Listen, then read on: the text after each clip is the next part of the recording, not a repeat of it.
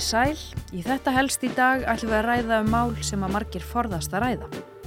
Sumir draga það jafnvel svo lengi að þeir þurfa að eiga samtal um þetta á dánarbyðinu. Erfðamál og skipting eigna getur verið eldfimt umræðefni en gestur okkar í dag hreinlega brennur fyrir að aðstóða fólk við nákvæmlega það. Hún er lögfræðingur með langa og viðtaka reynslu. Hún hefur ekkið útfarastofu, unni hjá líferisjóði við eignamiðlun og ráðgjafastofu um fjármál heimilana. Eftir að hafa sapnað í reynslubankan í nokkra áratugi stopnaði hún sitt eigið fyrirtæki. Elín Sigrún Jónsdóttir hefur það markmiði að aðstofa fólk við að búa eins vel og það getur með að við sínar aðstæður. Hún leiðbeinir fólki við ráðstöfun eigna, gerir erðaskrár, kaupmála og leitar leiða þegar deilur eru innan fjölskyldna og það er nú bara bísna algengt. Á Íslandi endar um það bíl helmingur hjónabanda með skilnaði og ekkert alltaf í góðu. Og þá þarf að þekkja rétt sinn, vita hvaða möguleikar er í stöðunni og hvernig búa megi um hnútana svo að skipting eigna sé sangjörn. Hvað eru algengustu spurningarnar og erindi sem þú færð inn á þitt borð? Sko það er gríðarlega mikið, e, fólk er mikið að hugsa um e, erðamálinn sín og ég finn það og sé á þessum árum sem, sem, sem, eh, sem ég hef starfað sem e, lögmaður þá hefur náttúrulega mikið breyst. Egna staða landans er bara mun betri heldur en hún var og dánabúin eru, eru mun stærri. Þannig að ég er að þjóna mikið e, er aðstofa fólk við að ganga frá engarskiptum dánabúa og ofta tíðum að selja, selja egnir og annars slikt sem það kemur til. E, en fólk er í auknum mæli að skoða hvað svo, hvað vil ég, hvert vil ég að egnir mín að renna eftir minn dag. E, Kanski má segja að það svona stærstu hópur sem til mig leita, það er fólk sem hefur skilið og E, jafnvel hefur upplifað það að þurfa í skilnaði að skipta arfi sem það hafa fengið. E, þessi hópur vil leggja sérstak áherslu á það að tryggja það að arfur barnana verið þeirra séregni hjónabandi og er það vel. E, nú síðan er það bara mjög algengt að fólk sem er í blönduðu samböndum á börn frá fyrir samböndum að ef að e, fullonu hjón vilja tryggja það að það sem lengur lifir geti sitt í óskiptubúi þá uh, verða þau að gera erðaskrá um það. Og þá þýðir það það það þarf ekki að spurja börnin um það. Þarna er svona ákveðin mismunum um mismun að ræða á milli þeirra hjóna sem eiga öll sín börn sameilega og hinna sem eiga ekki öll börnin sameilega Hinn e, sem, sem eiga börnir samveileg, löggefin hefur tryggt það að það þarf ekki að spyrja þau börnitt um leiði en e, stjúbörnum þarf að byrja um leiði. Mm. Það er þannig að, að hérna e, ef að sá aðili sem að er hjónabandi og á börn að hann getur rást af að alltaf einum þriðja hluta sinna egna með erðaskráð en þeir sem korkega makan í börn þeir geta ráðstafa 100% og það er mjög algengt að þeir, þeir aðeins sé að gera það annarkvort til svona uppbórsfrækna eða frænda eða til bara góðgera mála. Já. það hefur ekki steinst mér verið mjög mikið. Og sérstaklega svona með þessari áherslu á almanna heilafélugin og þau félög eru er ekki að borga erðafjárskatt, fólk fær líka svona skattalegt hægraði sem er að, er að greiða getur greitt einstaklingur alltaf 350.000 ári til þess að styrkja félög sem þykja væntum og hjón alltaf 700.000 ári. Þannig að þetta er svona nýmæli eða búið að vera í lögunum í hvað eitt og halvt ár og það er margir sem er að huga þessum málum. Hmm.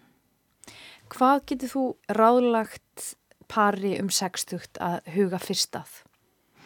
Jú, það er náttúrulega ef að þetta par eh, leggur áherslu á ef að þau eiga börn sem ekki er alls sameileg og spurningin er þessi hvort að þau viljið tryggja breytti sitt í óskiptu búi, þá er það nú svona kannski þetta fyrsta.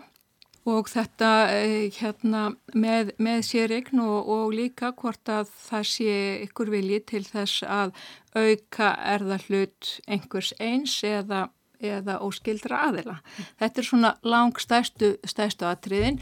Nú síðan er það spurningin um þetta er það sem að varðar erðamálin en, en síðan er það þannig að þegar fólk gengur í hjónaband að þá hérna, verða allar regnirnar hjúskapregnis alveg óháð því hvað þessir aðilar komi með í hjónabandið. Og þá er náttúrulega alltaf þessi spurning e, vil fólk gera eitthvað breytingu þar á og þá þarf að gera kaupmála. Mm.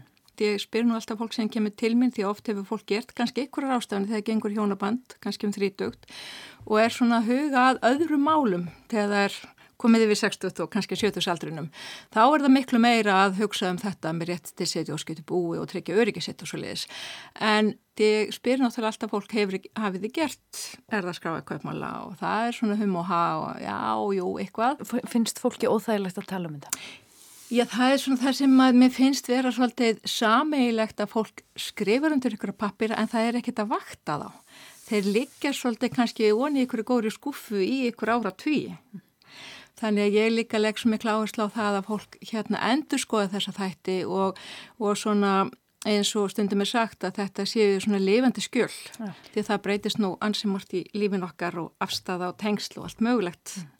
Eru erðaskrár stöðlu skjöl? Er þetta eitthvað sem hægtir að nálgast bara á netinu eða þarf fólk að sitja heima á sér og, og rissa upp erðaskrá eftir sko, hugmynd?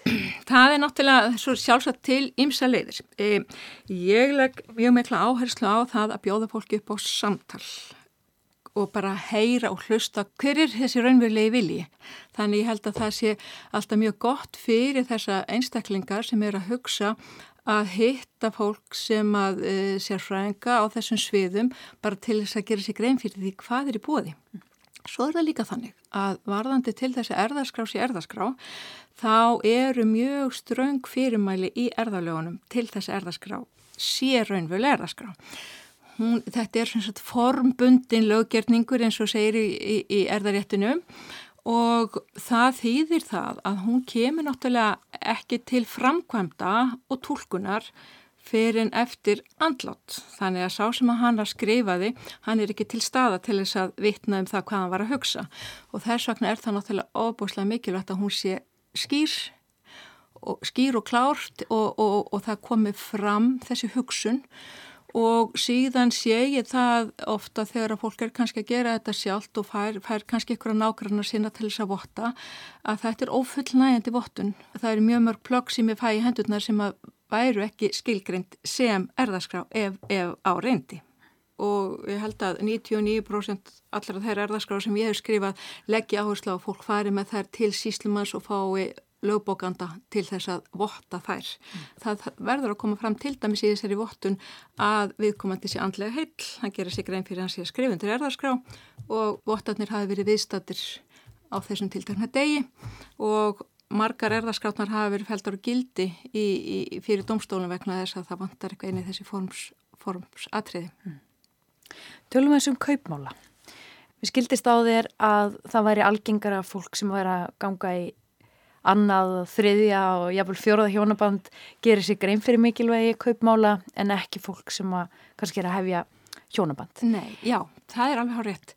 Það er mín tilfinning er svo að ungt fólk sem er að ganga í hjónabandi í fyrsta skipti, þeir aðila kannski eiga eftir að stopna til egna sameilega og, og eiga kannski ekki neitt. En ég, ég er mjög mikið að þjóna fólki sem að er að ganga í, er að fara í sitt annað eða þriði hjónaband hvað sem það er og eða fólk sem að er svona, er svolítið eldra og á svona mismunandi egna samsetningin er kannski misjöfn og fólk vil tryggja það og Það er náttúrulega líka stundum er það þannig að, að hérna annar aðlinn hefur fengið umtalsverðan arf en hinn ekki og fólk vil marka það en það er náttúrulega líka er mikilvægt að minna á það að það eru bara þeir sem að hafa gengið í hjónabandi eða eru undirbúa hjónabandi sem geta gert kaupmála. Eh, ég hef alveg fengið kaupmála sem fólk vil gera breytingar á en þetta eru sambúðaræðlar. Þá er þetta ekki kaupmáli, þá er þetta bara í raunvila marklaust plagg. Því að kaupmálin er í raunvila bara breyta því sem að e, hjúskapalögin segja að gerist við hjónabandið að egnir verði hjúskaparegnir. Mm. Og það er náttúrulega svona líka atriðir sem að ég tel að sé svo mikilvægt að fólki sambúð gera sig grein fyrir. Að það er engin erðarettur þó svo að sambúðartíminn séð 30 ár fólk hefur svona ruggla svolítið í þessu því að tryggingastofnun og lífyrirsjóðir veita tiltekinn réttindi eftir ákveðin sambúra tíma en þetta á alls ekki við um erðaréttin. Það er engin erðaréttur þó svo að þetta sé 30 ára sambúð og uh, það er náttúrulega engin réttur til að setja á skutbúi hérna, en, en sambúðar alveg geta náttúrulega arlitt hvort annan að alltaf einum þriði ef við komandi aðalega eiga börn því að í sumu tilvikum að sjálfsögðu velur fólk það frekar að vera í sambúð það vill ekki að, að þessi lögum hjúskapalögin gildi og það er bara val en það er svo mikilvægt að fólk skoði þessa möguleika og, og passi þá líka upp og eignir sín er að það séu þinglistar í, í réttum hlutföllum. En ef við tölum aðeins um skuldir, það er svona leiðilegri ángi málsins, hvernig þær erfast og skiptast. Um, erfa börn skuldir fóreldra sinna?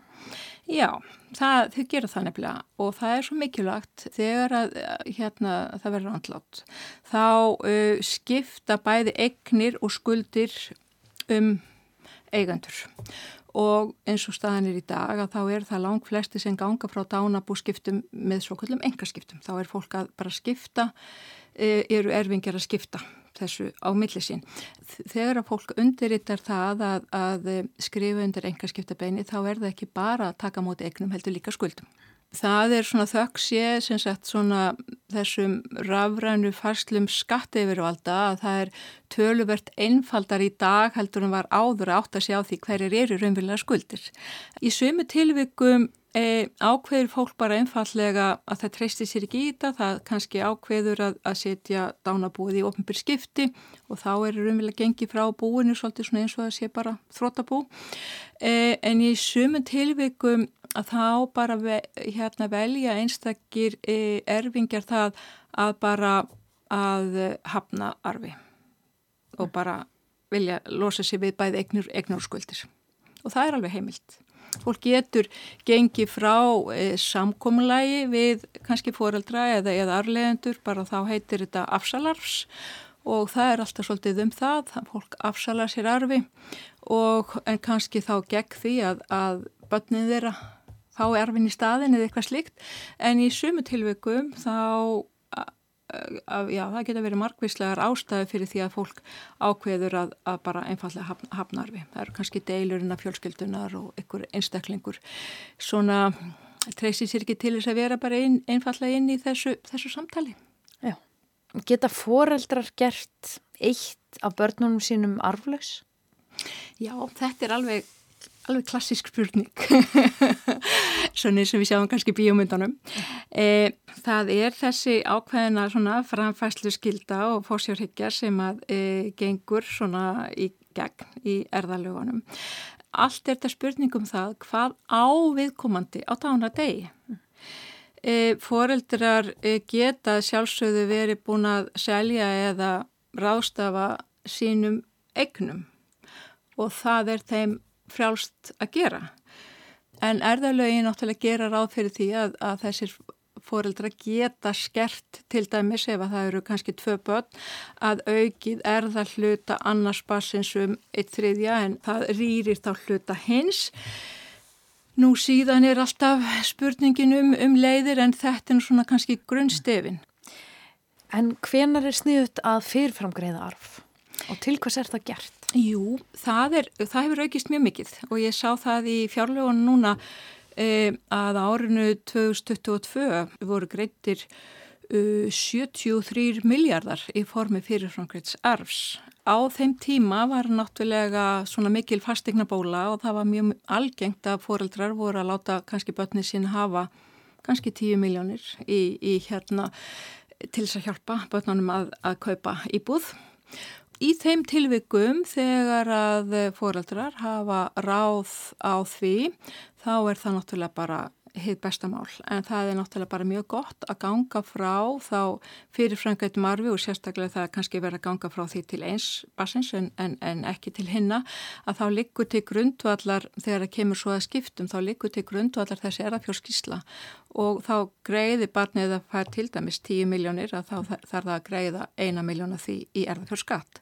en þá er búið að greiða e, heildar skatt af þessu, þessu, þessu en aðal atriðir vil ég segja að það er þetta að fólk þekkir rétt sinn, fólk viti út á hvað e, lögjöfin um erðaréttin og hjúskapar á, á hvaðin ganga. Hva, hvernig reikna lögjöfin með því að þú viljir hafa þessa hluti? Og hvaða heimildir hefur lögjöfin veittir? Það er þessi þekking sem að, að mínum að þetta skiptir svo miklu máli að fólk áttur sig á. Þetta var helst hjá okkur í dag. Arfur og skipting eigna getur verið algjör höfuverkur en eins og Elin Sigrun Jónsdóttir benti á þá er mikilvægt að kynna sér stöðu sína og huga að þessu, jafnvel áður en það er um seina. Þóra Tómasdóttir þakkar ykkur kærlega fyrir að hlusta í dag. Við heyrust aftur á morgun.